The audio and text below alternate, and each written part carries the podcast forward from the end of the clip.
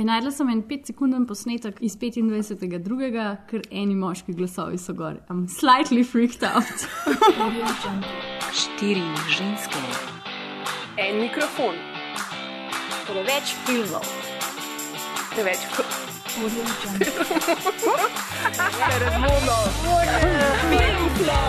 O filmu govorimo, dokler ne teče kri.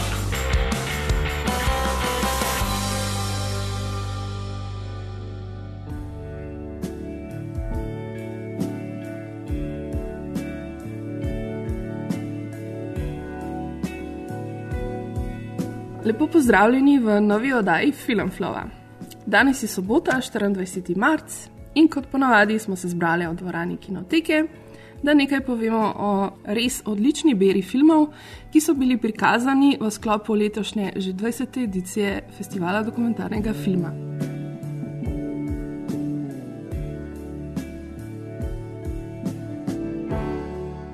Sicer pa smo končno dočekali pomlad, Kao.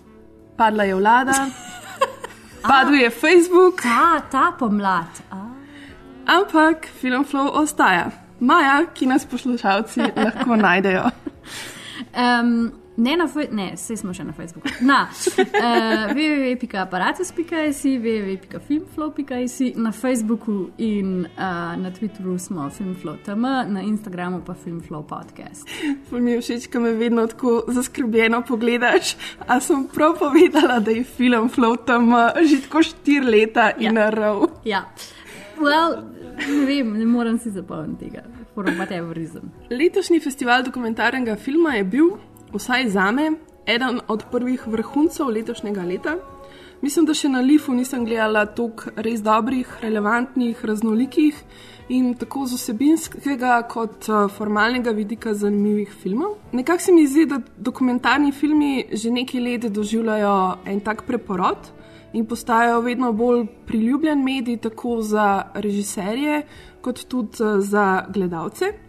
Um, mogoče ena izmed takih prelomnih točk, ki je nekako dala v razmislek to, kaj dokumentarni film sploh je, ki je ponudila neko širšo idejo o tem, kaj vse lahko dokumentarni film je.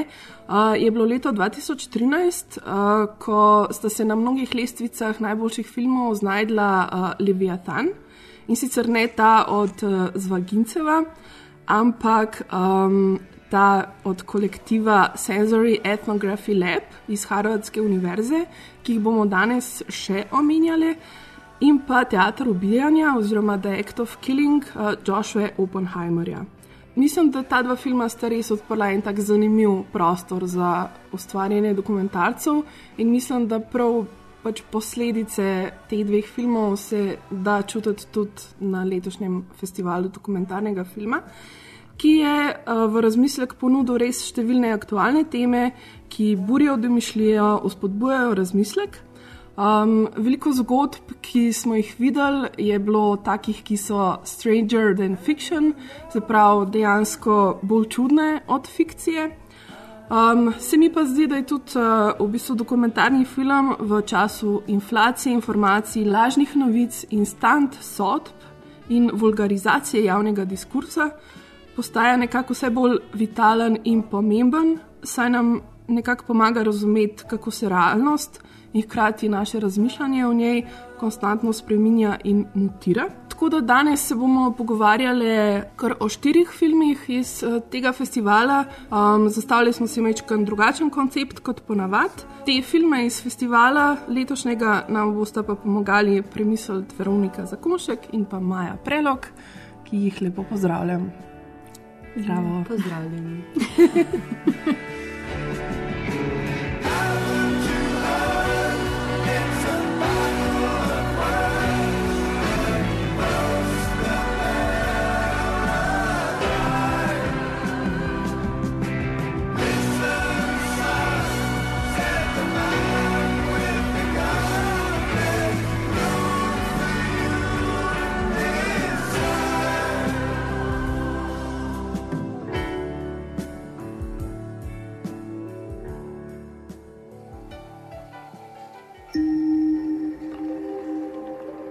صغري علمني أبي أن أكتب كوابيسي على ورقة حتى لا تعود مجددا وها أنا الآن أكتب أطول كابوس عشته على الإطلاق Ja, današnjo debato pa bomo začeli kar z zmagovalnim filmom letošnjega festivala dokumentarnega filma.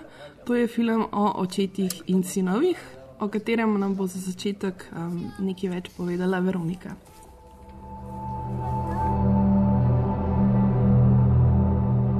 تستحق أخاف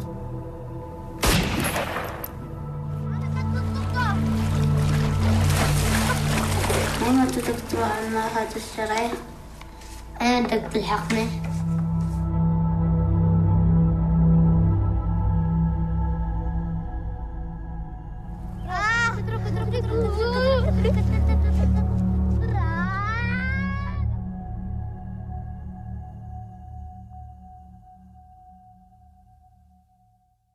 Torej, o očetih in sinovih je film uh, v Berlinu živečega sirskega režiserja uh, Talala Derkija, uh, ki je na mednarodno filmsko sceno prodrl s svojim prvim dokumentarcem um, Return to Homes iz leta uh, 2013-2014, kjer je tudi na Sundance festivalu um, pobral World Cinema Grand Jury Prize.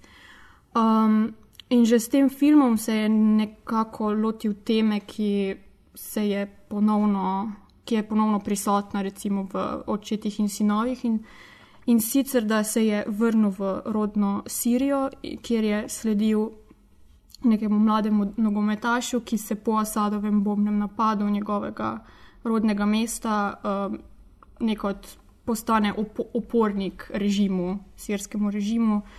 Um, in um, Derki kot režiser uh, nekako prodira v to psihologijo uh, ljudi, ki so v tem vojnem ob območju in nekako poskuša razumeti, kaj je tisto, kar jih pripelje do tega mm. radikalizma. Mm. Zdaj govoriš um, o filmu Vrnitev v ja, Homs. Ja. Um, ampak na nek način je to prisotno tudi v očetih in sinovih. Pač to zelo ima neko tako um, humano non-judgmental noto, mislim, je samo tam prisoten in opazuje to življenje, ki se odvija, ni nič ne, se ne postavlja v nobeno pozicijo za proti, in tako je problematično, kar se na filmu mm. uh, vidi, ampak uh, vse mi je, recimo, pač ta res tako humana nota bila pri tem filmu zelo, zelo všeč. Um, torej, pač tudi v očetih in sinovih svojo kamero, neko ustvari neko direktno povezavo med temi uh, džihadističnimi protagonisti filma, um, ki, s katerimi je živel v bistvu dve mm. leti in pol. Um, wow. ja, tako da je postal na nek način kot del ja. te družine v tem času. Tako da res je nek tak, uh, kot človek v občinstvu, imaš skoraj občutek na trenutke, da si v tistem okolju, da si tam z njimi, da hodiš po minskem območju. Ja, ni, ni za res te distance ja. v filmu, ampak um, imaš res občutek, da je on postal del, del te družine. Ja. Tudi se mi zdi na način, na katerega v bistvu, um, se je povezal z otroci, se mi zdi, ker se mi zdi, da um, film sam, se pravi, pač preko filma, torej režiser. Um, da mu je res mar za te otroke, da ga res skrbi, kaj se bo z njimi zgodilo. In mi je bila to ena zelo taka um, fina kvaliteta. Um, je pa drugače to film, ki um, govori pač v, v bistvu o indoktriniranju najmlajših za tako, džihad. Tako. Čeprav mislim.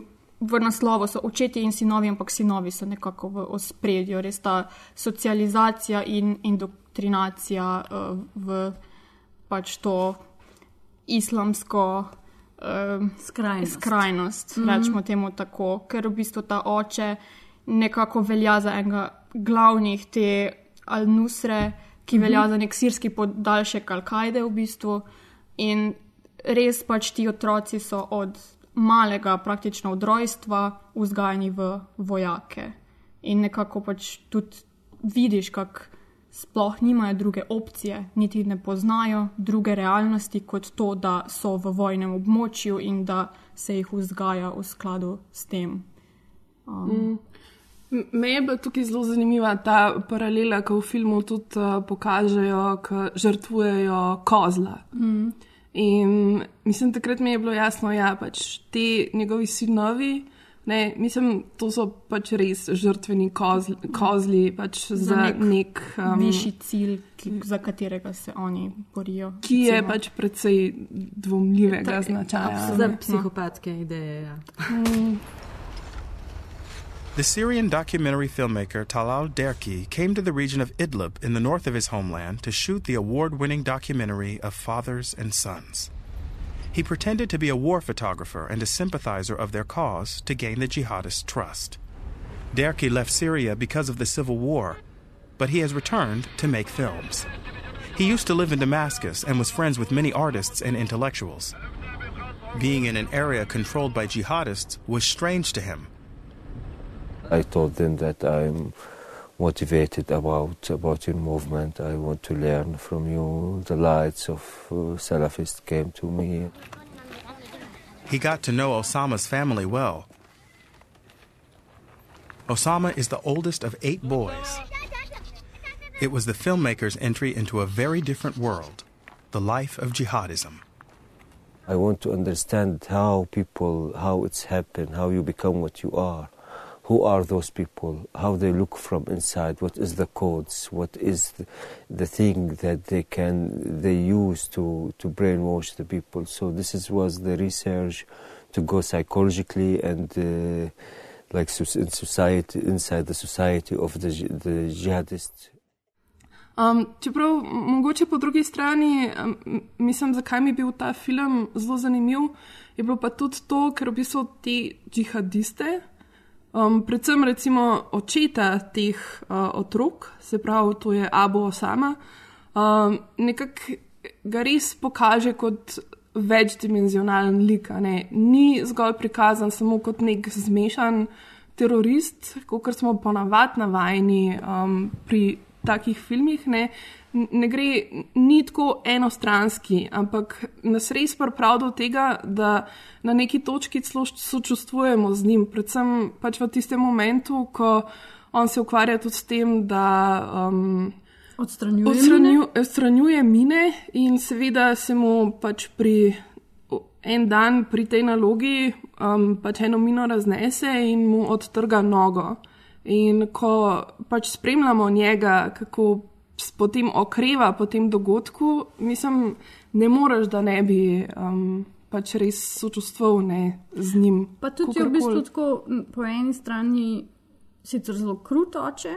Ampak po drugi strani pa tudi vidiš, da je pač ljubezen oče, pa ljubeč ja, oče, kar ja. je pač res tudi presenetljivo po eni strani. Ne? Tako da, ja, na vsak način so vsi ta fotor prikazan zelo človeško. V bistvu. Pa tudi v bistvu tako čist zelo dobro razumeš, zakaj je on tako, kot je. Pač mm. tako zelo um, se ti zdi dosto logično, da ja, pač si make sense, da ti, ti, ta, ti, ti si tako, kot si, zato ker živiš v Siriji, ker te skozi bombajo. Ja. Čeprav mm. meni, mi smo se srečali pred enim drugim filmom in sem pač ugotovila, da I'm emotionally dead inside, ker meni ta film res ni bil všeč. I felt nothing ob tem filmu. Tako da bi bila zdaj najraj tih v tem filmu, da ne bom uh, pokvarila uh, teh slavospevov, pa še posebej glede na to, da je zmagal. In v bistvu se z vsem strinjam, kar ste do zdaj povedali. Film super, vse prikaže, ful mi je fascinantno, da je ta tip dve let bil tam, oziroma najbrž on in off, kakorkoli že, ali je bil skozi tam, kar je pač bil, bil kar tam, kar fascinating. Ja. Meni je bil tako zelo malo konfuzen film, ker pač na čase sploh nisem vedela točno, zakaj se gre, pa kaj se je zgodilo. Pa še tako cel cel sem premišljala oči zelo takih. Um, Globalnih, globalizacijskih stvarih, kot naprimer, da ta fotorsko spizdi čez ameriške prasce in pse, a fura se v Fordovem avtomobilu, pač najbrž ima v roki Samsung mobitel, pa to nos jeans. In sem bila zelo tako. Um, kaj je, kak, mm, ne moreš se ti, mislim, tako pač zelo sem laun. Mi smo tako povezan svet, da ta tvoja vojna, ki jo ti furaš, se res kaže kot čist lažna v smislu tega, da pač tudi oni ne vejo točno, proti čemu se borijo. Zato, ker uživajo toliko stvari iz našega sveta, da če to zradirajo, mm, ne vem, kako bojo še živeli. naprej. In sem se v bistvu cel cajt ukvarjala sam s tem. Pa s tem, kakšno je, kakšno je v bistvu podnebje v Siriji, ker pač ful je bilo skozi sonce, pa so bili so ljudje v copatah zunaj, ampak tudi v bundah, tako da pač ta film, ta film je šel pač intelektualno, sem ga pač tako štikala, pa razumela, pa ja, ampak tako čist, čustveno je šel pač čist me mene, ker I am apparently emotionally dead inside. Tako da to je vse, kar bi jaz v tem filmu.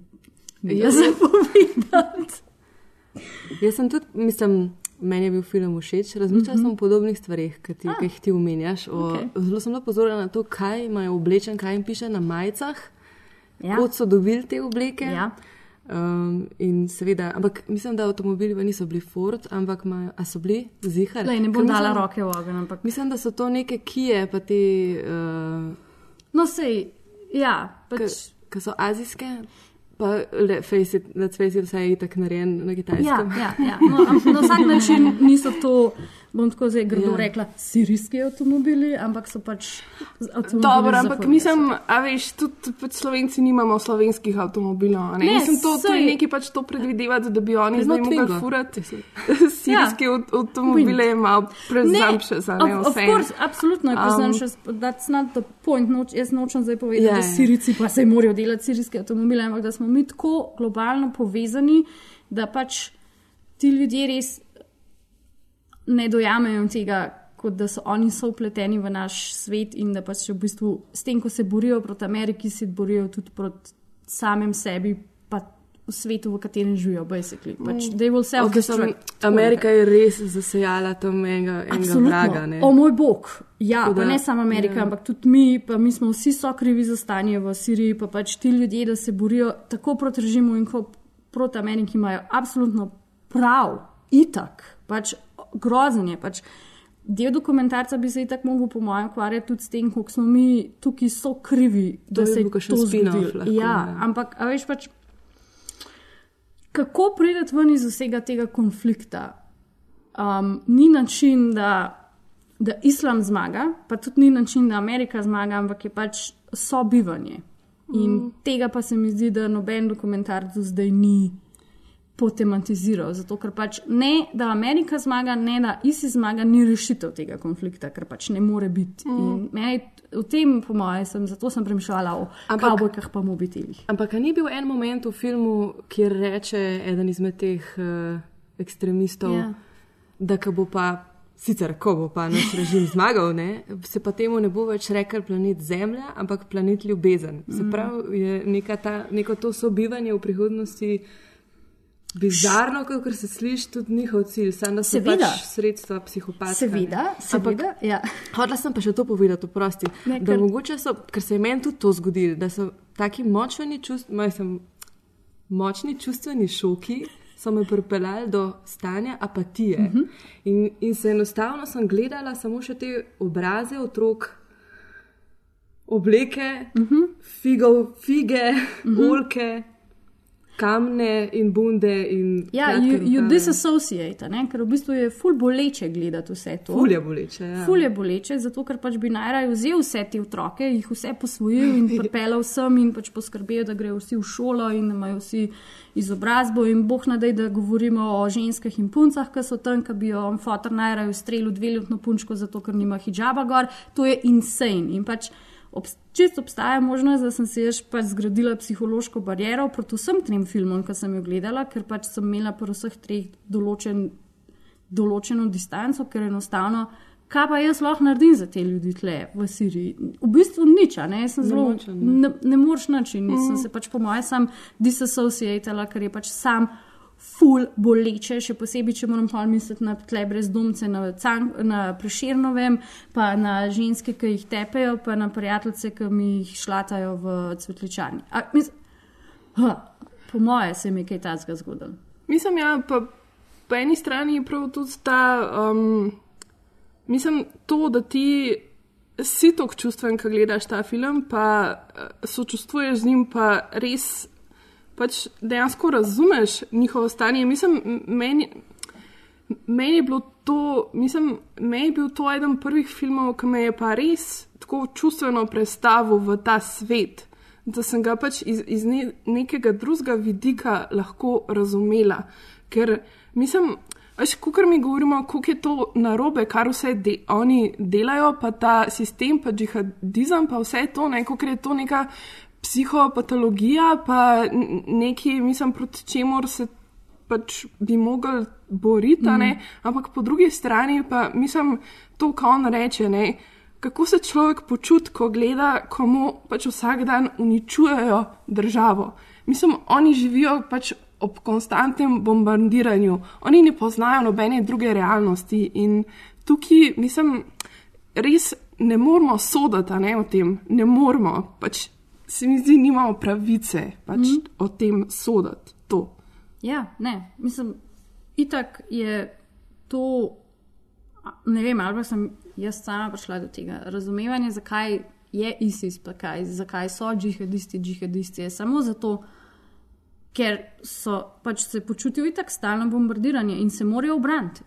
In pač to je edini način, da so oni razumeli, kako se lahko obranijo. Ampak mislim, da je razlika, da so že, torej še preden so invadili tuj uh, njihov sistem, obstajali ti, ne, kako se jim reče, pač sufi so bili neki zmerni islamisti. Ja. Se pravi, že ti tako družbe, ja, širiti, širiti, širiti, pa ampak pač recimo Al-Kaida, kot jaz vem, se je stvorila takrat, ko je sovjetska ne, ja. napadla um, Afganistan. Ja. In Afganistan je praktično od takrat je že skozi v vojnem uh mhm. -huh. stanju. In pol to se pač stopnjuje, zdaj se tukaj pač je še Sirija in to pač. To pač pride z desetletji in desetletji enega bombardiranja in vojne. In pač ja. ljudje, ko so v tej realnosti, nasilje, te, težko, nasilje. težko je. E, Ja, točno tako. In ja. težko je soditi o tem, če pač ti pa tukaj živiš v nekem obdobju in v relativni Absolutno. varnosti. In, um, mm. je, je res težko soditi ja. ljudi, ki so v neki taki brezizhodni situaciji, ko ne vidijo niti opcije. Kako mhm. bi, bi drugače prenehali? Ko, ko, v bistvu, ko v bistvu tudi nek drugačen način upora, um, ne da samo ni možen, ampak pomeni v bistvu tvojo smrt. Mm. Ker če bi ljudje v Siriji uh, pis, make, make Love Not War demonstrirali, pa rožice zatikali v puške, nobody would care, they would just bomb them. In v bistvu smo ustvarjali tam en tak res kotov nasilja. Ker in nekako mm, ne vidim, kako bi se to zdaj peacefully nekako rešil, in se najbrž še časa ne bo. It will get worse before it will get better. They want to have a normal life. They want happiness. Even if they are grow up in a war zone and in the jihadist family, kids still want their childhood. And, and, and that is the major, the major point on the film about, about the legacy, what you want, that the father decide from the moment his son is born. He named him Junior Osama bin Laden and that means that the kids in all his life he don't have a choice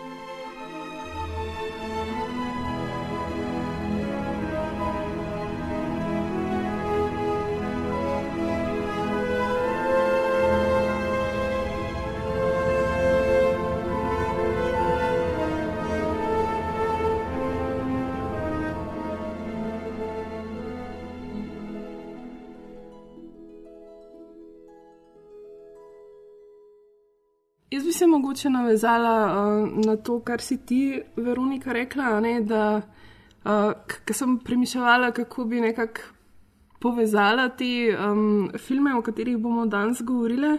Um, sem se spomnila tako nekih teh zanimivih povezav med um, filmom o očetih in sinovih in filmom Čez bolečinski prak nekako zdaj govorimo ne, o tej indoktrinaciji, o krutem fizičnem treningu, psihičnih manipulacijah, konstantnem stanju pripravljenosti, um, pač neki v bistvu izčrpanosti.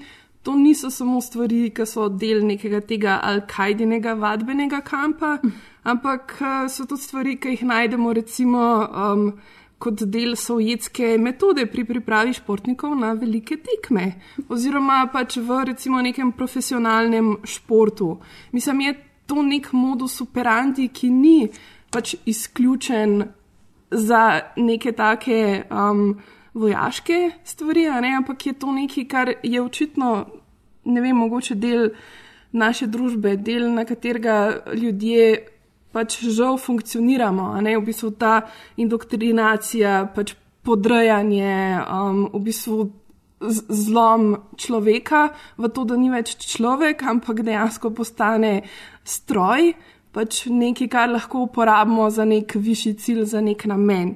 In točno to je to, kar se dogaja v bistvu v filmu Čez bolečinski prak. To je film, ki govori o profesionalnem športu, natančneje o ritmični gimnastiki.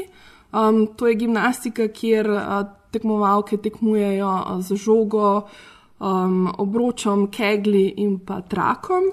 Je pa to film, ki nam seveda ne pokaže samo tekmovanja in zmag, ampak ozadje, se pravi ozadje celotnega procesa priprav na velika tekmovanja, na olimpijske igre.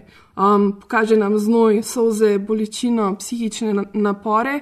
Uh, In vse to pač ima samo en sam cilj, in to je nastop na olimpijskih igrah.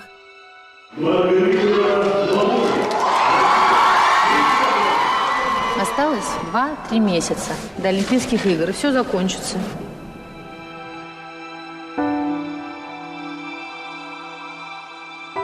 Почему ты так хочешь? Вот скажи, почему? Вы накачиваете, я накачиваю.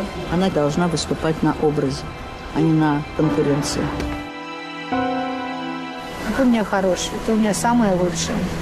Ты не бросаешь меня, а я не бросаю тебя. Se pravi, v filmu spremljamo gimnastičarko Margarito oziroma Rito Mamun, ki se pripravlja na uh, olimpijske igre v Riju leta 2016. To je nek ta glavni um, pripovedni lok tega filma. Se mi je pa zdel, da je v bistvu film dejansko film o treh zelo fascinantnih ženskih likih tudi. In, oziroma o treh generacijah gimnastičark, oziroma lahko bi rekli tudi o štirih, zaradi tega, ker je tudi režiserka sama uh, trenirala ritmično gimnastiko. Uh, kar se mi zdi, da se tudi filmu zelo pozna, ker se mi zdi, da je tudi sama forma filma izčiščenost, neka, ker je zelo precizno narejen, uh, zelo lep, uh, zlikan, tako kot same gimnastičarke, kot je tudi prej um, Maja že rekla. Tako ta, ta forma je zelo. Um, Že tako zgleda kot neki grani film, je tudi uh, skonstruiran, ne pač nek ta dramaturški lok in uh, vse skupaj. Irina Vinar je vodja nacionalne uh, ruske ekipe in pa v bistvu najuspešnejša trenerka ritmične gimnastike na svetu. Njene učenke so doslej, mislim, da dobile že pet zlatih medalj na olimpijskih igrah. A to je tista, oprosti, to je tista botra? Uh, ja, to je uh, ta najstarejša. Um, mislim, da jo kličejo, ima en tak zelo zanimiv um, nadimk in sicer um, zaradi njene vulgarnosti um, jo kličejo primitive vuitton mama.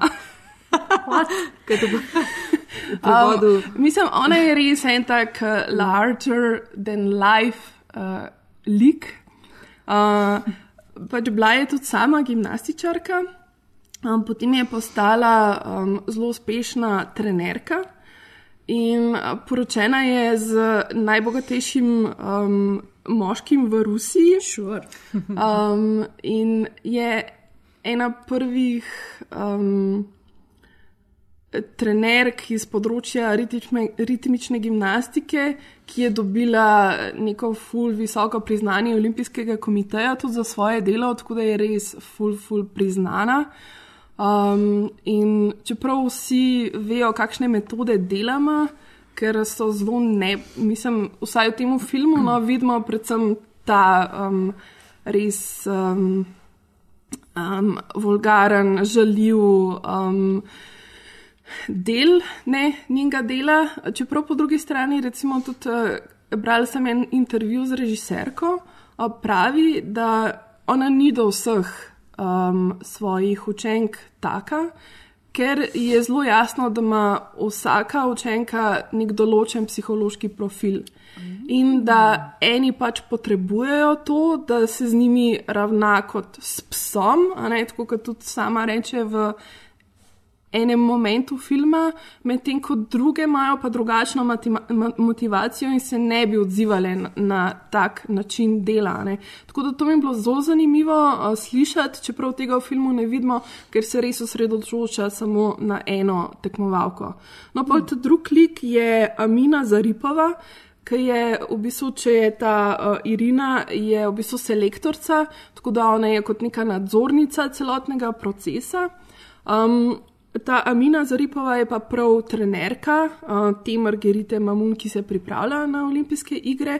In Amina je bila ena izmed prvih učenk uh, Irine. Uh, tako da je neka v bistvu povezava um, med njimi, mislim, tudi se osebno poznajo zelo dobro, so šle vse skupaj čez neke stvari, ki si jih mi itak ne moramo predstavljati. Tako da te vezi med njimi so očitno zelo močne. Vse se tudi uh, vidi, a ne? Uh -huh. Se vidi iz filma. To. Tako bi rekla, bolj, ko spremljaš njihov odnos, ne, se vidi, da pač se poznajo že leta in da so Mm. povezane na večjih ravnih. No. Ja, zato ker mislim, jaz sem res dobila tako občutek te um, tudi materinskosti. a ne. Zato ker vse to je vrhunski šport in mislim, da one tri preživijo več časa skupaj, kot pa vsaka svojo družino ali pa s prijatelji Ja. in tako naprej. Tako da to so neke, mislim, da kar zelo posebne vezine med njimi. Um, mi je bilo pa to zanimivo, ko sem brala, no, v bistvu režiserka, to je njen celovečerni prvenc. Um, tako kot sem že prej omenila, tudi ona sama je trenirala ritmično gimnastiko, jo je pa v bistvu k temu dokumentarcu spodbudila um, prav ta um, starejša gospa, ta Irina, uh, ker se je zdela zelo fascinanten lik, ampak ker nikakor ni mogla priti do nje, se je pa odločila, da bo snemala um, film o tej. Um, Ampak da je v bistvu posredno Riti? v bistvu film o njej. Um, ja, um, želela si je, ampak mislim, da je pol to nastalne, kar je nek tak itek dokumentarni proces, ne, ker ne veš, kaj bo ti si nekaj zamisliš, ampak pač ni nujno, da boš to ja. dobil v končni fazi. In um, ta film je nastajal pet let. Ker na začetku, seveda, Irina, pač ta klik kot je, seveda, noč ni hodila slišati o tem filmu, je bilo gladko ne, to se ne bo zgodilo, ne boš tega snemala. In ker je tudi režiserka precej ustrajna in trmasta, je več kot tri leta hodila na vsa ta tekmovanja in se je v bistvu probala nekako na skrivaj prikradati v, na ta tekmovanja in je snemala. Um, dokler pač v bistvu Irina ni popustila in je dovolila snemati, in pol na neki točki, ko je dovolila snemati, um, je pa lahko snemala vse. Ni bilo mm. nikoli, um, ne pač obrnjen kamero stran, ampak je imela čist proste roke. Um, čeprav po drugi strani se mi zdi, da je ta fascinacija s to Irino je šla tako daleč, da je mogoče ona ratala tudi majčken kurator tega filma. Vsa tak, tak občutek sem jaz dobila, zaradi tega, ker režiserka tudi pove, da v Rusiji ne. Irina odloča o tem, kje se bo film pokazal, na kateri Oh, oh, wow. televiziji, um, ima pač na, nadzor uh, nad tem. Čak, se je to ta Irina, ki si ti meni pisala, kot una Baby is the Devil Wears Prada, ki igra ja, kot uh, Meryl, Meryl Streep. Meryl Streep is the Devil Wears Prada, krat tisoč, Oh, to wow. je Irina. Tako, ja. In- Krat tisoč. to je Krat pomemben- tisoč? Ja, ja. Ja, To zdaj jaz hočem gledati. ja, res uh, super film. Pa No. tako, pa v ritmični gimnastiki, ko tako misliš, da oh, to je una bolj na easy verzija gimnastike, ki se ima ful fajn s temi trakovi, pa žogami. No, not really no. V Rusiji je, je pač pritisk na to disciplino še posebej velik, zaradi tega, ker v Rusiji je ritmična gimnastika res nek pač totalen nacionalni fenomen. In The thing, ja. pač te gimnastičarke so, mislim, tako kot največje pop zvezde. a ne. Wow. In je to res huge, Wow. huge uh, stvar. No. Um, Amazing. šokantno.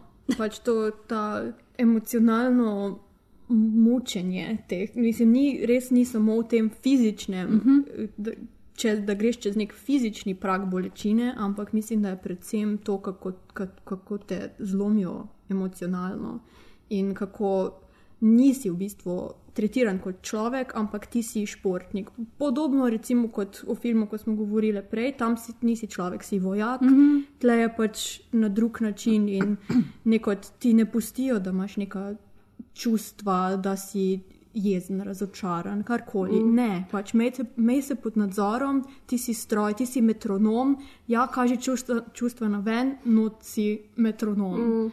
In... Mislim, ja, pa poleg tega, da izkoriščajo to, ne, ker um, tukaj je še ena podzgodba, v bistvu um, osebno življenje te uh, tekmovalke, ki se pripravlja na olimpijske igre.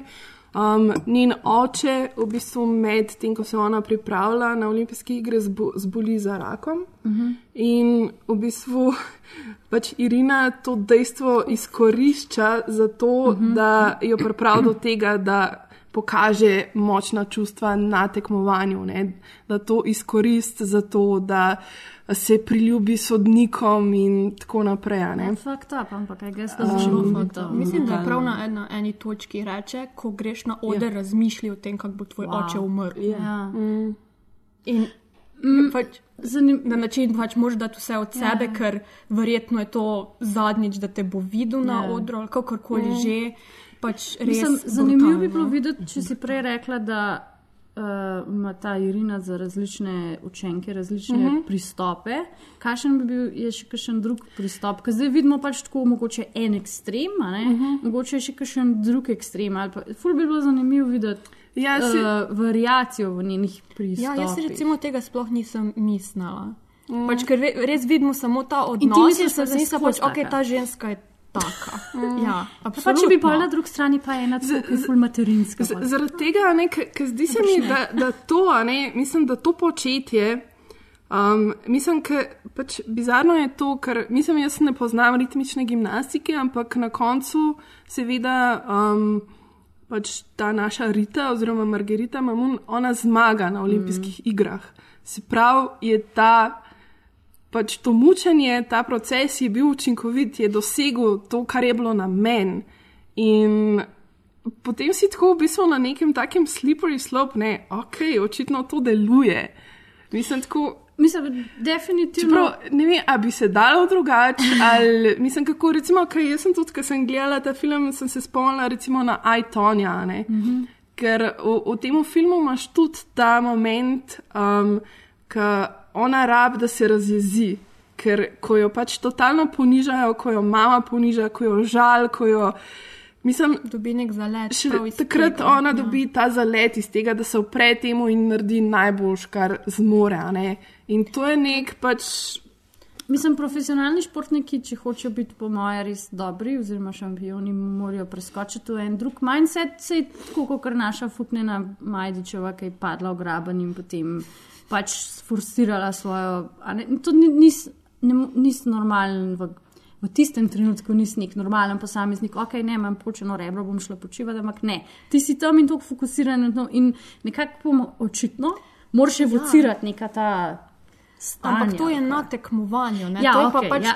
in the background. Ja. Ko ne bi bilo treba, da ti trener pa- govori, ti si prasica, kuzla, No, fuck. uh, psihopatka, neumna, kaj to Fuck. delaš. In ker je res pač abuse. Abuse, ja. ja. Ja. Ja. Tako da tukaj je pol, pač, a je res to treba? Slippery slope. Ja. Ja. Fuck, ja. Je, sem pa slišala en komentar po filmu, je komentirala ena punčka mala. Ja, pa so narobe prevedli, Eh, ni, ni takih eh, groznih besed uporabljala, kot češ, kot da bi bila sam uh, nerodnica, bolj v tem smislu. Aha, Uh, uh, ne, Izgubljeno ke s prevodom. Wow. Mogoče. Mogoče. Ne vem, ne znam rusko, tako da ne bi Ja. mogla trditi, ampak, Ja, zanimivo. ampak vse en, ja, mislim, ta. eh, Bed, ja. Ja, ja. Ne, jaz mislim, da, da, da, je, je to, da ne, mislim, ne bi bilo potrebno tako. mm. tega pristopa, pa bi se lahko zmagala. We'll never know, I guess, ker zdaj zmagala s takim pristopom. Da. In končala, zavedno. In končala, zavedno, ja. Ja, mislim, tako kot smo rekli prej, ne, pač eni ljudje imajo tako motivacijo, eni imajo malo drugačno. Ne, tako da Jaz tudi, jaz, mislim, jaz ful verjamem v to, da se nalep, mislim tudi pač prometnosti, a ne to, mislim to, pač ljudje morajo trpeti, pa biti morajo razočarani, pa to zato, da lahko delajo dobra umetniška dela. Mislim, to je kar neki, a ne. In se mi zdi, da isto pač lahko ja, pri športu, ne pa ja. pri vsem, ampak. Očitno zaenkrat še ne, ne ker. Um, je očitno neki... sovjetska šola tega ne dojame, ker se mi zdi, da pač to, kar recimo zdaj govorimo za ritmično gimnastiko, si jaz predstavljam, da kar to pri njih velja, kot overall mm. za šport. To cela ta neka zahodnjaška uh, intelektualni pristop v smislu, da, so, da smo kar ujetniki svojih misli. Ne? In misli so zgradile ta ego, ne, in mm. samo s tem egom lahko nekaj dosežeš, če tvoje telo gre čez bolečine ja, različnih ja, ja, stopenj, kar pač ja. čemu oponira celotna vzhodnjaška mm, filozofija. Ja, ja, ja. ja.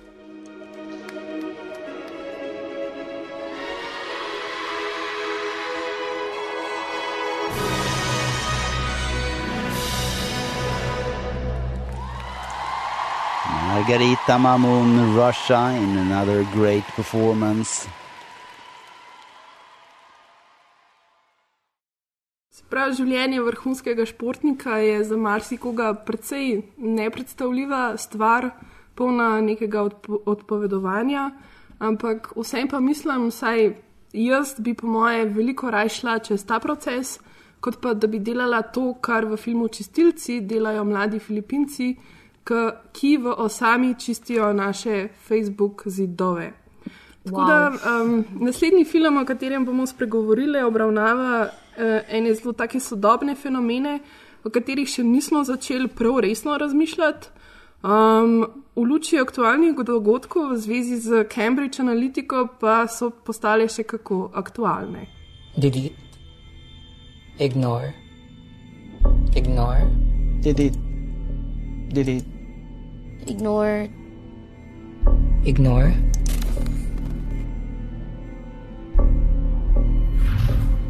Delete. Our decisions will impact what 2 billion people are thinking.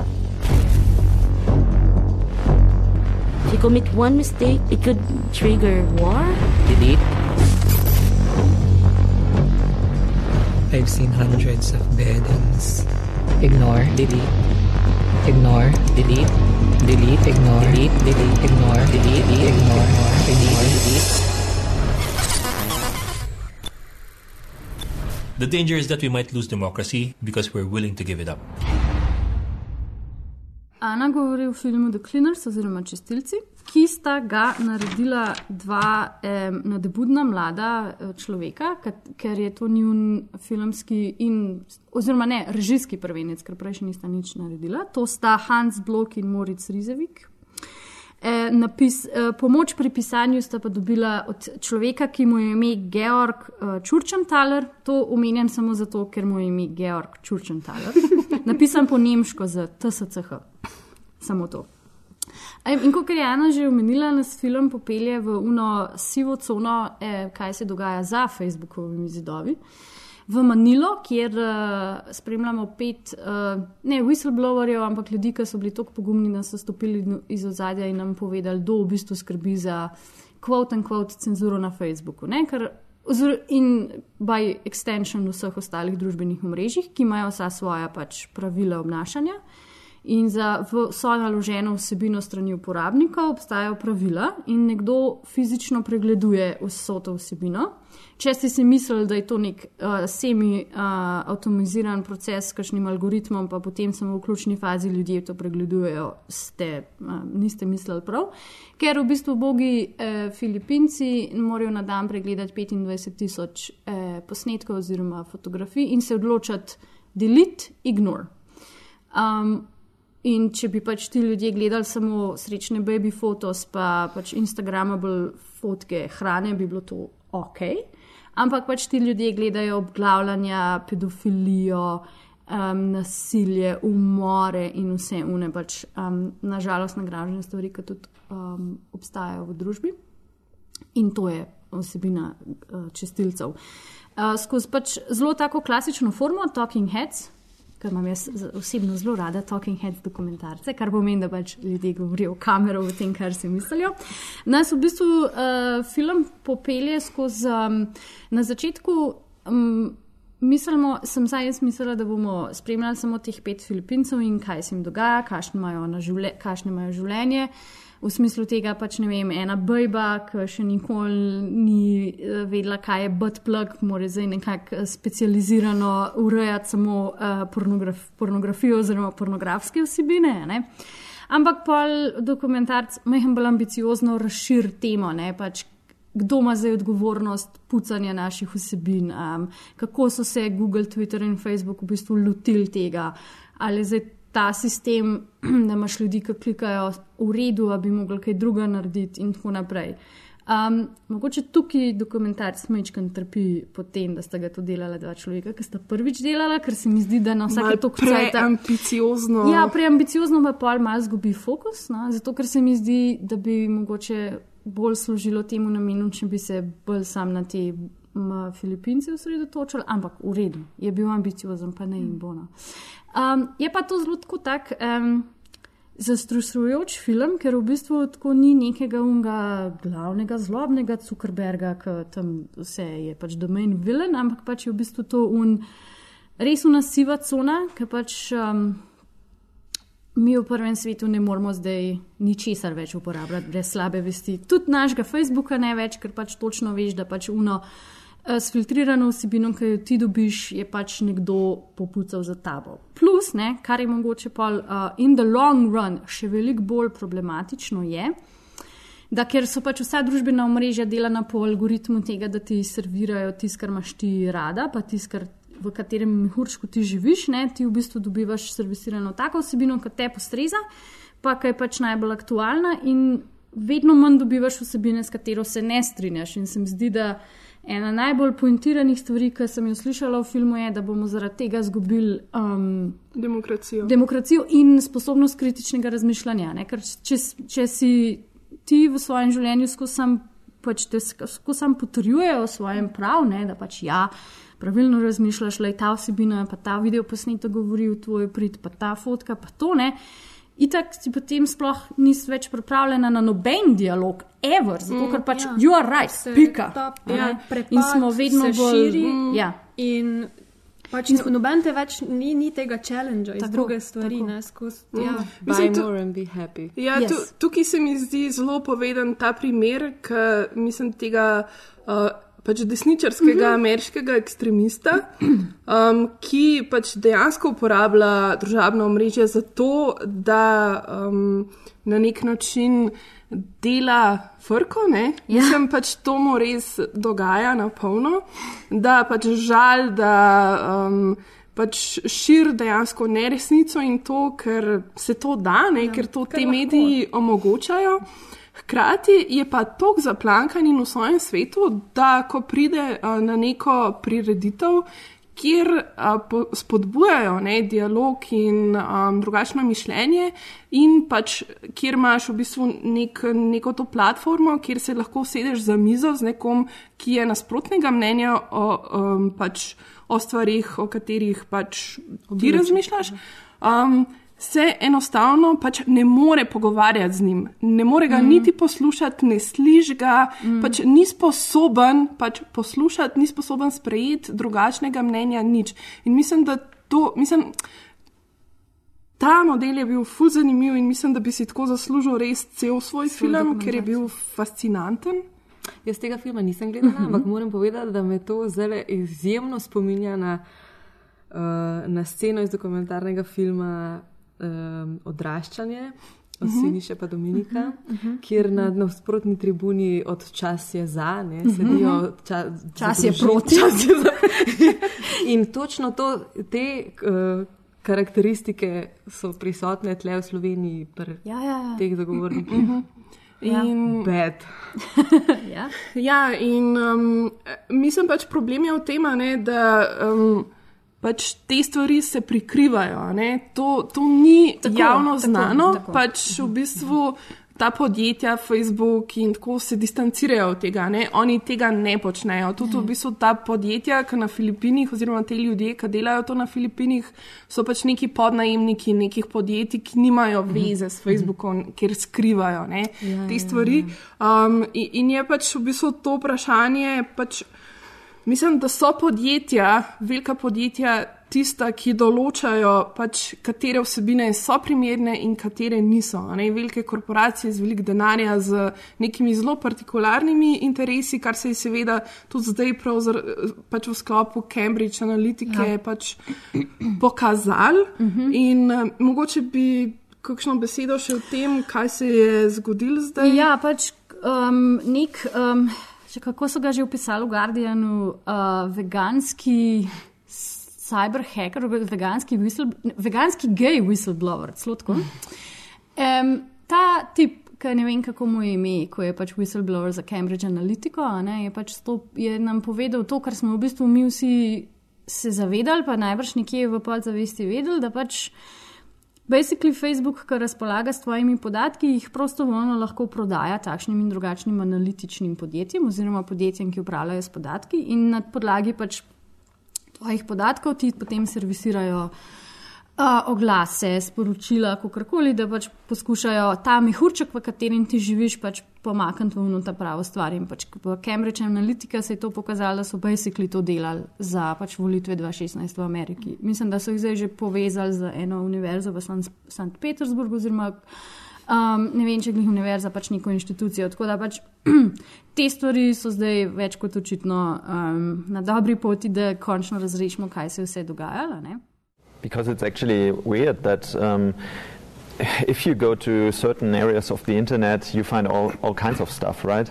And on these platforms, most of the time it looks like we are a completely healthy world. Uh, there's mm-hmm. nothing, nothing which can disturb us, and so on and so on.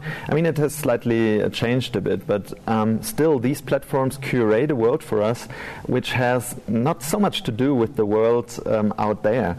And the people who curate this world, they have a, a massive power over not only our private um, perception of the world, but they can also silence groups of the society.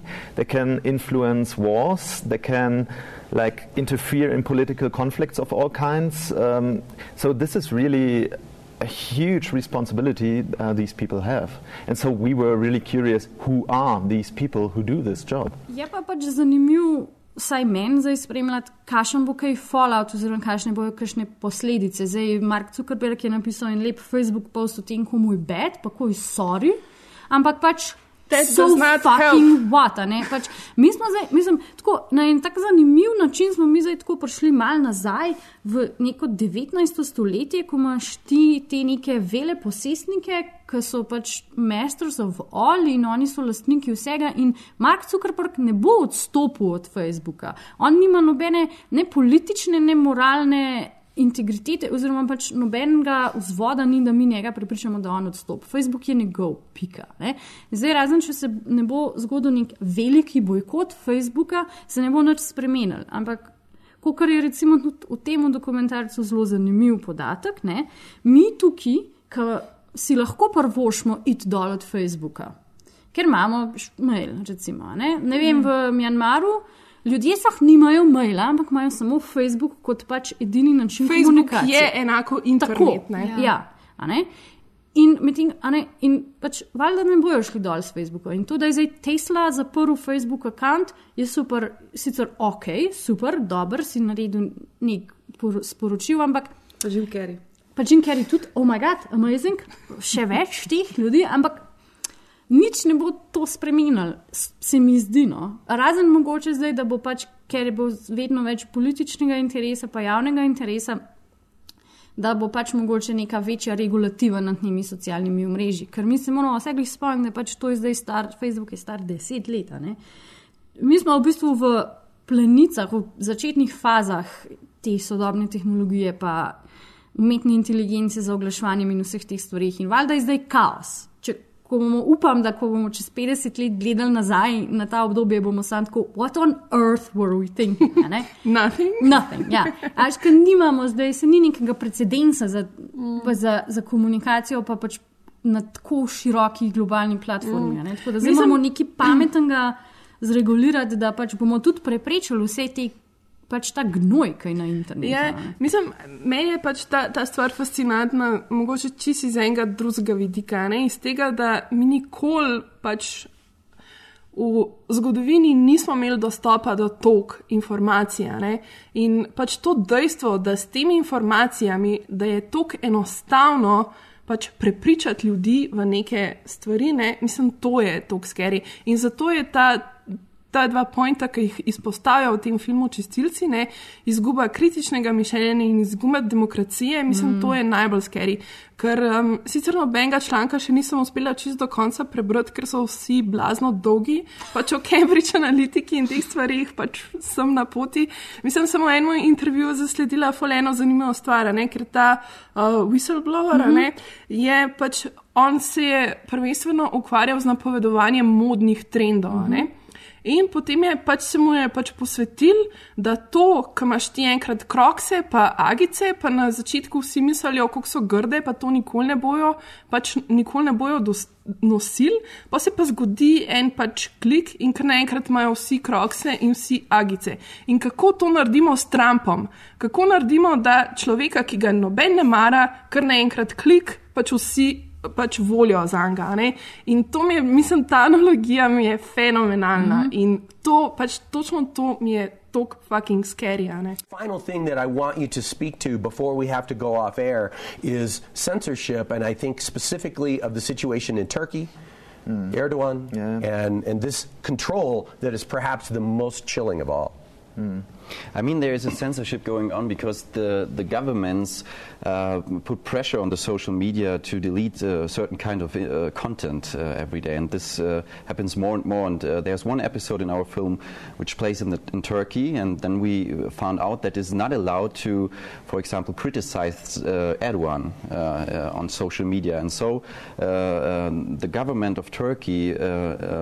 Make deals with Facebook that they delete those kinds of things, uh, those contents, which is has an immense effect on political uh, sway's. And in a lot of cases, their gut feeling has to decide because the guidelines they get are not um, good enough, and, and, and there are so many gray areas in there that they really have to decide on their own. And, and you can imagine um, how much power uh, gets to their hands if, if, if they have to de- decide like instinctively. Indeed. Meni je bil pa en tweet všeč, ki sem ga nek zasledila na slovenskem Twitterju, da, pač Face, da Cambridge Analytica problem je osvetlil tudi to dejstvo, da zdaj naša življenja um, obladujejo neke tech companies, ki nimajo pač pojma o družbi in, in stvarih in pač zakaj je nujno potrebno. Vlaganje v družboslovne in humanistične uh, vede in izobraževati družboslo- družboslovce in fucking zaposlovati družboslovce v teh companies. Samo zato, da tam v kotu sedimo in dvignemo roko, pa rečemo, ah, ste vi čist profuknjeni tega, ne morete delati, nehajte pač pisati svoje kurčeve algoritme, tako da nas boste uničili. Mm. To mi je fulano. Ja, ker v bistvu eden od problemov, ki ga tudi izpostavljajo v filmu Čistilci, je recimo odstranjevanje v narekovajih neprimernih fotografij beguncev, ki so recimo umrli, so se utopili. In tako naprej, ne? zato ker to so v bistvu neke moteče fotografije za našo zahodno družbo, ne? in v bistvu na ta način te družbe zakrivajo pač to dejstvo grozovitega, lahko temu rečemo genocida, genocida, ki ga v bistvu zahodni razviti svet izvaja nad pač imigranti. In zdi se mi, da v bistvu naslednji film, o katerem se bomo pogovarjali, opozarja prav na to, da obstajajo ljudje, katerih podobe se nikoli ne bodo zdašne na Facebooku, na Twitterju, na Instagramu, ampak bodo sredi neprijazne puščave ali globoko morju izginili brez vsakršnih sledi. Tako da ta film je pa morje, morje. Jaz bom začela v bistvu s komentarjem enega strica pol po projekciji, ki se je na vas glas jezil, da mu ta film ni povedal čist nič novega, kar že ne bi prej vedel, da mu ni dal nobene informacije in da zakaj delaš dokumentarne filme, če mu potem nič ne poveš. in ne pokažeš teh ljudi, s katerimi delaš intervjuje. Tako je, ne? tako. In tle se vidi, koliko smo v bistvu odvisni od teh informacij, ne, s katerimi pa v bistvu večina ne zna ali pa ne znamo jih izkoristiti oziroma v pravi smeri mm. uporabiti. Razmišljati o njih. Razmišljati o njih, mm. ja. Ali pa, no, se nismo vsi enaki, mislim. Mm. Um, no, ne ti jaz povem nekaj teh informacij, dragi strici. um, film Morje, Morje ali kako prečati, prečkati mejo med Mehiko in ZDA, če si sposoben naslov članka iz The Guardian. Um, se pravi, govori o prečkanju, ilegalnem prečkanju meje med Ameriko in Mehiko. In sicer uh, zelo specifično čez puščavo Sonora. Ne? Tako, so, sonorsko puščavo, ki se dogaja že praktično 30 let. In za res, razen tega, da je ameriška uh, patrulja tam odkrila v teh uh, treh uh, desetletjih več kot 6000 uh, trupel in še ostalih um, um, posmrtnih ostankov, ali kako ne rečem, ljudi, živečih, nekdaj živečih ljudi, ki so pač samo hoteli priti v lepše življenje. V bistvu gre za ogromno prostrano pokrajino, v kateri ni nič drugega, razen neko ruševje, izjemno ostro ruševje uh, uh, smrtonosni insekti, um, kače, mm -hmm. jaguari mm. in, in nekakšna razgibanost tudi, no, so, so, so hribi. Ja, to ni taka puščava, kot saharska puščava. Ja. V bistvu neka taka pokrajina, ki mi, jaz si temu ne bi rekla puščava, tako, kot pač puščava, za me pesek, ampak ja, ni vode. Puščina je, puščina v bistvu. je, ja. ne puščava, ampak puščina. Pač ja. ni fajn, da greš brez uh, vode not. Tako, tako ja. Že tako je zelo um, tvegano. Uh, Z, in s full vode, in s full kondicije, in s full volje iti skozi to puščavo, in ni čist zihar, da boš preživel. Mm. Tako da se pravi, to je res eno. Uh, eno težko, težko odločitev zahteva od človeka, da se mm. pač poda. Tako kot čez morje od Afrike. Pa je, da traja 3 do 5 dni, da prečkajo to puščavo. O uh, konstantni hoji. Ja, če se ne zgodi, ja. očitno mnogo. Ja, ja. ja. No, in ta film. Uh, V bistvu ne kaže teh ljudi, kako prečkajo in kako umirajo. In uh, pravzaprav pokaže, pokaže, pokaže več s tem, da ne pokaže mm -hmm. teh ljudi. On v bistvu, on. ta, ja, lahko, bi, lahko bi bil kar subjekt ta film, tega, ker ima enostavno toliko prezence, mm -hmm. uh, toliko en, enega uh, eksperimenta. Mm. Mislim, da je pač iz filma Šoa izhaja ta, ta izraz prisotnost v odsotnosti. Mm -hmm. no, recimo, to je tudi nekaj, kar je šiva, v bistvu uh -huh. tisto, česar ni in je v bistvu vse prisotno. Wow. Um, in zelo mi je v bistvu bil všeč koncept ustvarjalcev. To sta uh, dva, dva človeka, sta naredila ta film. Uh, ona dva sta bila producenta in režiserja in snemalca in vse. snemalca zvoka in montažerja. Ja, vse. Mislim, da je edin pri postprodukciji zvoka jim je pomagal še en, ena oseba. ja, ker, ker zvok je res zelo pomemben ne, v tem filmu. Ja. Torej, skozi to tri, triletno uh, snemanje dokumentarnega filma um, sta uspela dejansko zvok, mogoče še bolj kot samo sliko, pripeljati na eno. Na en višji nivo, no, mm. tako večji od življenja mm. se zdi film, zaradi tega, ker je enostavno tako kvalitetno uh, narejen zvok. In, in vem, kako dejansko ščiješ kri, ki si v takih neprijaznih okoliščinah in čakaš, samo čakaš, da se. Da zletijo, recimo, netopiri ali pa da se začne nevihta, in da je to izjemen napor, prav to čakanje. Mm. Je, pa ta, je pa eden izmed teh, uh, ta snjadecki, J.P. snjadecki, mm -hmm. kako mu je ime točno. Oh, Jean-Paul. Jean-Paul, ja, ali pa Jean-Pierre. ali pa Jean-Pierre. Ne vem, glede na to, da si na detski se piše, je mogoče Janez Pavel. Se ni važen. Ja. uh, je uh, del tega uh, sensorja etnografije leba, o katerem si govorila v vodu. Um, jaz vem povedati o tem samo to, da je na Harvardu ta oddelek v bistvu uh, eksperimentalno, uh, kar inovativ laboratorij, ki se ukvarja z, estet z estetiko in z etnografijo. Ne, v bistvu. ne vem pa, koliko časa to se sploh dogaja. Vem pa, da imajo v glavnem po vseh možnih festivalih svoja dela in v galerijah. Ta film recimo je bil v Momi v New Yorku predvajan en teden ali- Mm. dva. Ja, v bistvu um, Sensory Ethnography Lab iz Harvardske univerze, se, mislim, da obstaja zdaj nekih deset let. Aha. Mislim, to se zdaj tako okvirno pač povedala.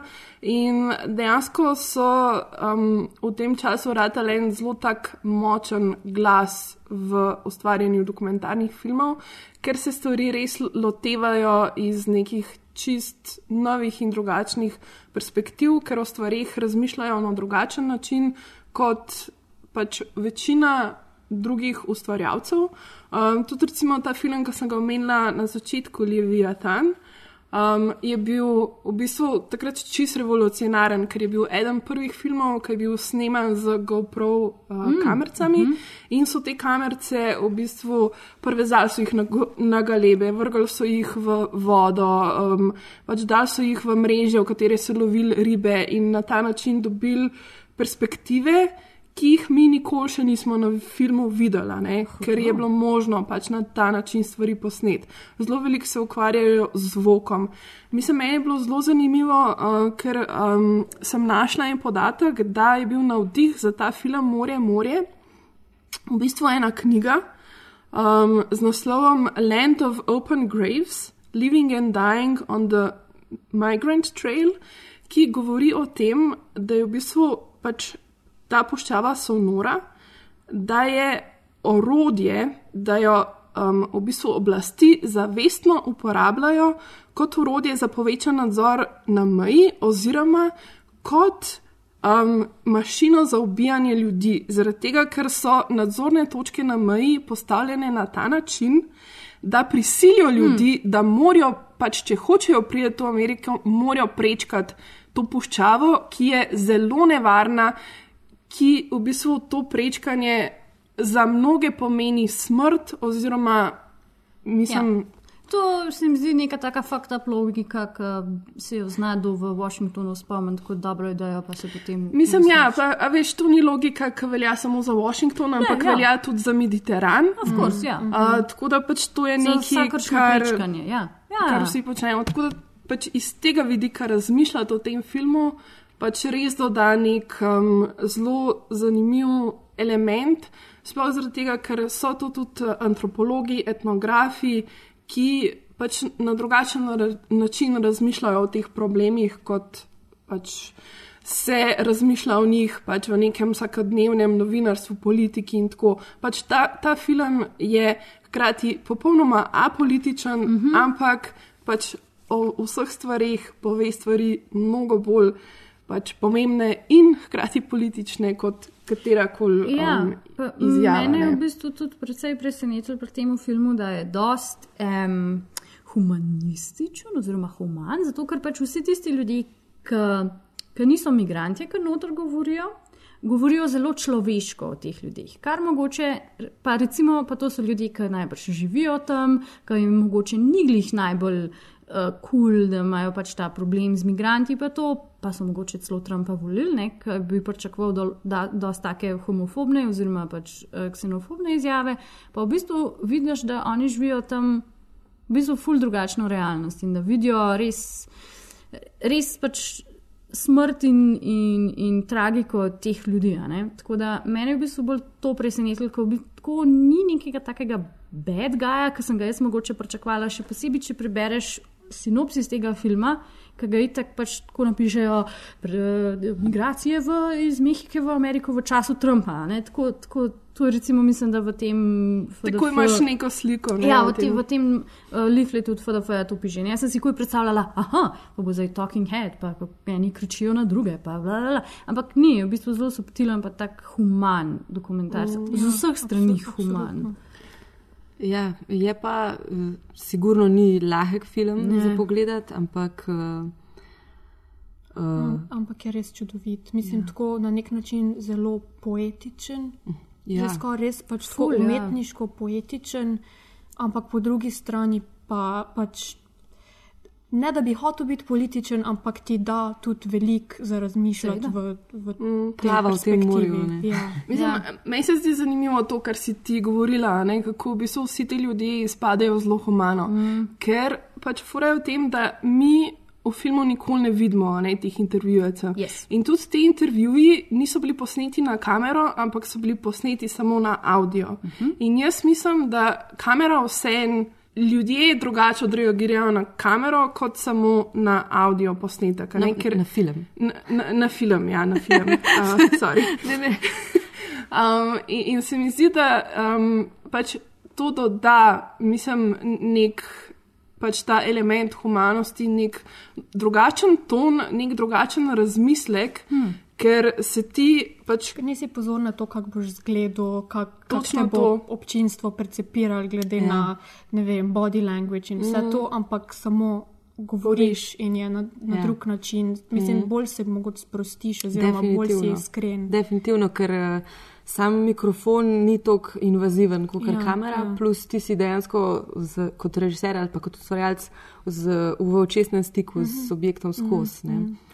Tako da meni, je- meni se je izjemno dopadel v bistvu ta film, če si z vidika, kako sta si ustvarjalca res konceptualno pristopila. Mm. Ustvarjanju. Pač, ja. mhm. Pa, hvala Bogu za ta tretji del, ki je sam nevihta, ker se mi zdi, da če ne bi bilo te nevihte, bi vsi tako rahlo. Popokal. Ja, Očiščevalno je. Tako in pa je ta nevihta in tako, ah, ok, daš pa, ah, vred, In smatko pomirjen s celo to situacijo. Tako da ne greš Mm. ven, no, oh moj bog, gonna die, Mhm. ampak sem tako, ah. Okay. Mogoče jaz edin sem pogrešala malo več, eh, ne vem, zakaj sta se odločila za tako zelo grejni sliko. Uh, ja, ampak pretty grainy, ja. Zelo, ja. Ja, snimala ste na 16 mm. Ja, ne? ja, ampak to v bistvu nima veze, mislim, ona, da bi lahko uporabila Mhm. trak, ki nima take visoke. Pa ki Ja. sta že, je že kakšen razlog bil lahko Ja. čist praktičen.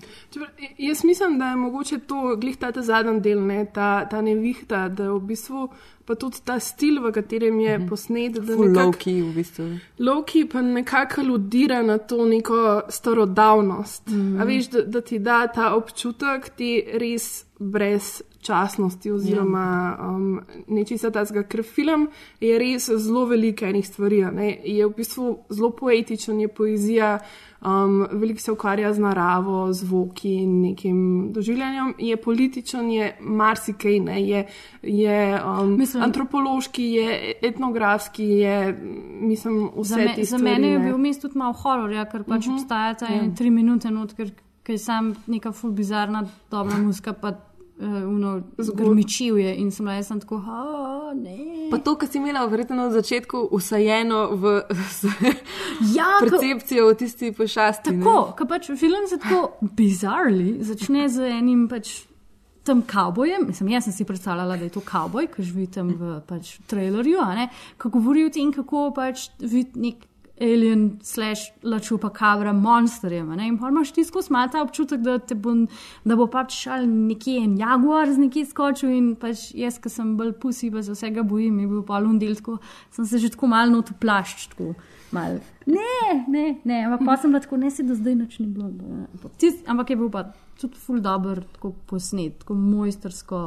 Jaz sem si pa tako, wow, koliko sta mogla ne dva iti ven v temi, v to puščavo, which is scary as fuck, ne, in to posnet. Je bilo kar amazing. no.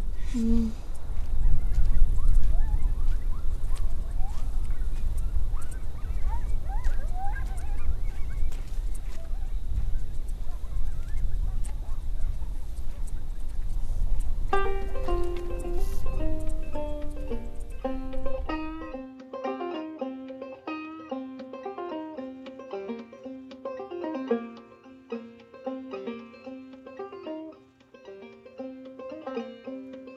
cuckoo, she's a good bird, and she warbles as she flies, and she never hollers cuckoo till the fourth day of July.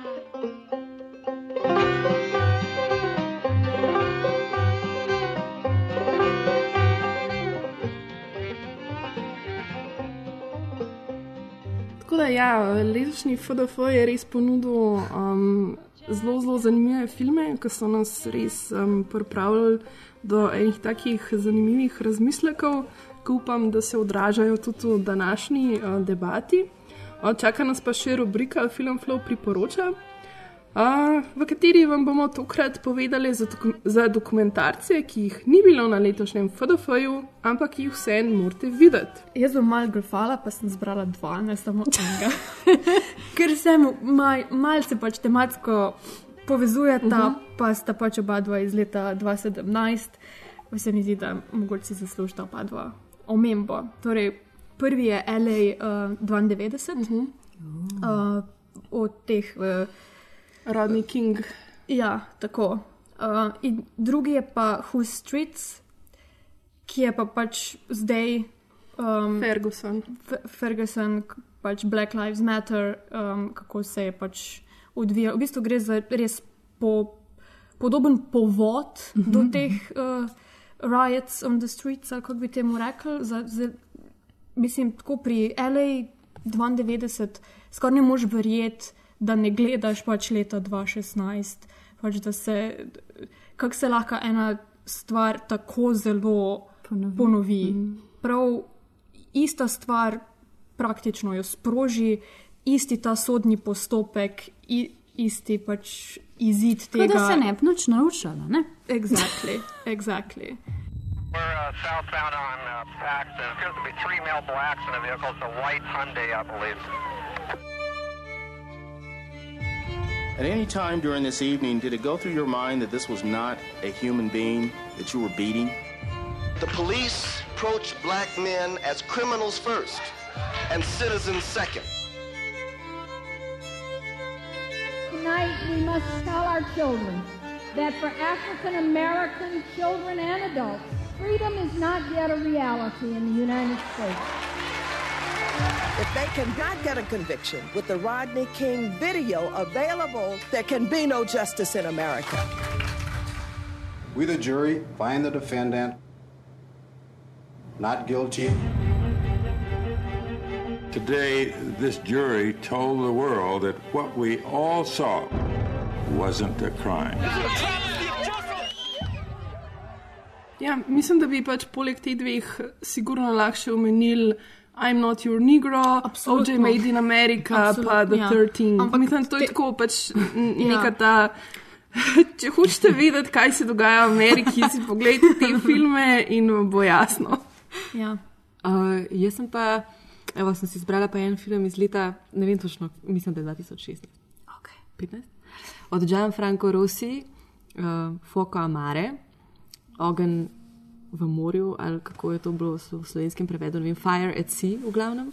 Tudi, gre, za, gre pa za v bistvu podobno problematiko, gre za uh, migransko problematiko na Mediteranskem morju. Posnet je na otoku Lampedusa in je tudi uh, ta film je tudi v bistvu zelo niha med neko poetiko, med intimnim svetom mehkega fantka, uh, ki živi tle na tem otoku in ima svoje probleme in potem teh, um, pač teh migrantov, ki so pripuščeni na milost in nemilost uh, pač usode. Um, tako da, ja, evo, Gianfranco Rossi, Fuoco Amare, pa tudi uh, še kakšen film od tega režiserja je za pogled. Se mislim, da je bil nominiran ja. za Oscarja, kako leto, dve nazaj. S tem Fuoco Amare. Ja, mhm. ja, ja. ja, pa tudi pri nas uh, je bil ne, na, v na kinu. Mhm. Ful dober izbor. Ja. Mhm. Hudo, evo, zdaj bom pa jaz malo presekala, ker sem si izbrala valjda tak dokumentarc, ki ni boleč za gledati, ki ni tak političen. Bude talking head vnutar. Uh, v bistvu, ja, malih je pa res. So, so talking heads not. Ne, um, moje priporočilo je pa American Epic. Eh, in sicer je to dokumentarna serija, v narekovaju, sestavljena iz štirih delov. Je pa uh, tisti dokumentarc, ki jih jaz najraje gledam, in to je glasbeni dokumentarc. Um, govori pa o um, ameriški muziki od začetka 20. Eh, stoletja, specifično od um, približno leta 1920, ko je v bistvu tehnologija prijadrala tako daleč, da so lahko um, snemali musko. Uh, uh, na različnih lokacijah. Ne? To se pravi, da je bil pač prvi nek tak portable jeti, tako bom rekla, ki je bil sicer velik 2 metra krat 2 metra, ampak se ga je že dalo kol um, voziti. In je v bistvu. Backstory tega je, da je en glasbeni fanatik v družbi okrog Jack Whitea eno izmed edinih še obstoječih teh naprav uh, uspel restaurirati in so začeli snemati musko dejansko na to napravo. To je še taka naprava, ki ima vitel, ki pač pada na tla, da se dejansko gramofonska plošča vrti. To je Tesla naredil. Uh, mislim, da je bil upleten zraven ja, pri, pri, pri pogruncanju tega. Itak. In potem se je American Epic, ki ga je režiral Bernard McMahon. Uh, Um, gre v bistvu zelo um, kronološko skozi pregled, kako so oni snimali, pa zelo v duhu tega um, um, za, za namce ujet, pa pač prikazati, da se ne bo pozabil, kaj vse je ameriška muzika in skozi kaj vse je šla ker pač na začetku ni bilo ameriške muske, ampak je bila črnska muska, je bila polska muska, je bila nemška muska, ki so jo pač priseljenci prenesli v Ameriko. In je briljanten, pa že jaz to zelo rada gledam. In potem uh, pač pokažejo te, ta, ta, ta prve posnetke, pa ti musko pokažejo, pa vse te stvari, in potem na koncu zmeram. V Third Man Records od Jack Whitea studiu pač povabijo contemporary artiste, da v bistvu ustvarijo to musko in jo posnamejo na to staro mašino. In poli tak zraven so očitno zdaj, ker sem prej delala research, so še knjige, pa seveda pač soundtrack zraven in je to sam res amazing gledati. Pa pač mogoče, čeprav ni političen in nature, ampak zelo lepo pokaže v tem, to, kako je Amerika sestavljena kako Amerika ni Amerika, ampak je sestavljena iz tega in iz onega, in iz Memphis Jack Bandov, in iz pač stil gitar iz Havajev, in iz pač harmonike, in iz bižu, oziroma um, Poljaki, Francozi. Ja, vsega tega. Ne? In pač tega, to so američani sami vse pozabili. Mogoče, če bi si kakšen tak bolj light-hearted dokumentarc mm. pogledal, bi se tega spomnil. Ja, mislim, meni je super. Mm, ja. Meni je super v tem filmu ta poanta, ne, da um, Mislim, da so dejansko se spravili snemati in da so dejansko šli poiskati te ljudi iz različnih kultur, ki so imeli te različne stile in so zabeležili tako za zgodovino, so, ja. za zgodovino pač njihovo umetnost, njihovo kulturo in pač dejansko zabeležili so tiste izvore glasbe, ki jo poslušamo danes ki lahko sledimo nazaj, iz kje izhaja, iz česa se napaja, ki se navdihuje. In ja. je tako zelo lepo pač povezan, tudi za me si zelo velik čas, da se ustavijo na različnih področjih, malo povejo o kulturi tistega mesta. Um, in je res fenomenalno. No. To je film ali serija? Uh, štiridelna serija. Štiridelna serija. Mislim, da so uro, uro pa pol. Uro pa pol, ja. Tam Mislim, kje? da so tako v bistvu štirje filmi. Ja, basically, ja. To sporo. En vikend. Odlično za me. En dan. Ja, American Epic is more than a music documentary. This is history. It's about music that's original, influential, it's had such an incredible impact on so many people. American Epic is, to me, about the first time America heard itself. American record companies were about to go out of business, largely through the advent of radio. And so they opened up the novel idea of recording everyday Americans in rural America and trying to sell records to them. Ja, jaz pa, ker sem pripravila tole lestvico, sem ugotovila, da gledam veliko premalo dokumentarnih filmov. Um, mogoče je to zato, ker je bil pač FDF tako dober in sem lahko, ok, očitno moram več gledati dokumentarnih filmov, ker so res zelo zanimivi in dobri. Uh, sem pa v bistvu pred kratkim gledala en precej zanimiv film, uh, ki se je tudi pojavil na krvelik lestvicah najboljših filmov leta. In to je um, Netflixova produkcija, sicer uh, naslov je Casting Jean Benet to je pač celovečerni prvenc režiserke Kitty Green. In sicer pa gre za film, je nekako taka mešanca dokumentarnega in igranega filma. Um, režiserka je navdih za svojo, lahko temu rečemo, raziskavo, najdla v nerešeni senzacionalni smrti oziroma umoru šestletne deklice, otroške lepotne kraljice Jean Benet Ramsey. Um, ta umor je še vedno nerešen, obstaja več teorij, kdo naj bi jo ubil. Med temi sta njena mama, um, njen mlajši bratec, nek uh, lokalni psihopat oziroma njen oboževalec. Um, je pa režiserka zastavila zadevo tako, da se je odpravila v Kolorado, v pač to malo mestece, kjer se je ta umor zgodil. In je tam več kot eno leto dni snemala intervjuje z lokalnim prebivalstvom. Oziroma, to niso bili zares intervjuji, ampak je, jih je poklicala kot na casting za film o tem primeru, o tem umoru. In v bistvu imaš potem te lokalne prebivalce, ki se morajo uživati v vloge. Se pravi, v vlogo mame, v vlogo očeta, v vlogo Jean Benet, v vlogo njenega brata.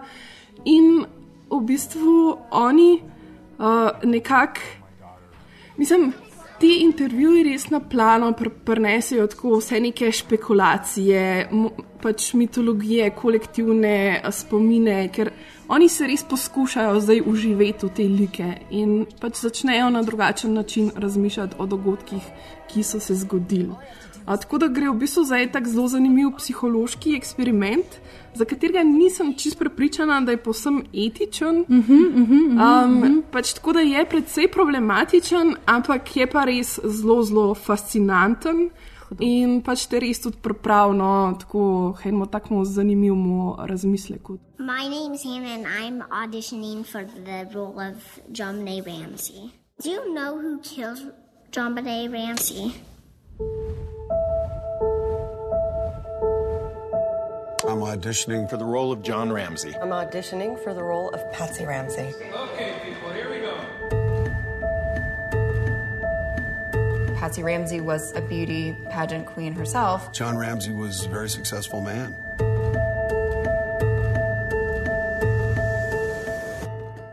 Zdaj ful vesela, da si tle izpostavila, ker imam jaz tu na svojem tuduju, pa sem pozabila, da imam, pa sem se zdaj spomnila. I know what I'm gonna do this afternoon. Gonna get me, get me a shotgun, just as long as I am tall. Ok, to je to, kar se priporočil tiče. Um, to je to, kar se letošnjega festivala dokumentarnega filma tiče. Uh, ja, pozor, rada bi upozorila na to, da 10. aprila v kino prihaja en odličen slovenski dokumentarni film oh. in sicer je to Playing Man Matjaža Ivanišina. Um, vse vabimo, da si ga pogledate. Um, bo pa film tudi tema našega naslednjega podcasta. Tako da do naslednjič, isti kraj, štiri ženske in Playing Man. Adijo. Bye. Ciao.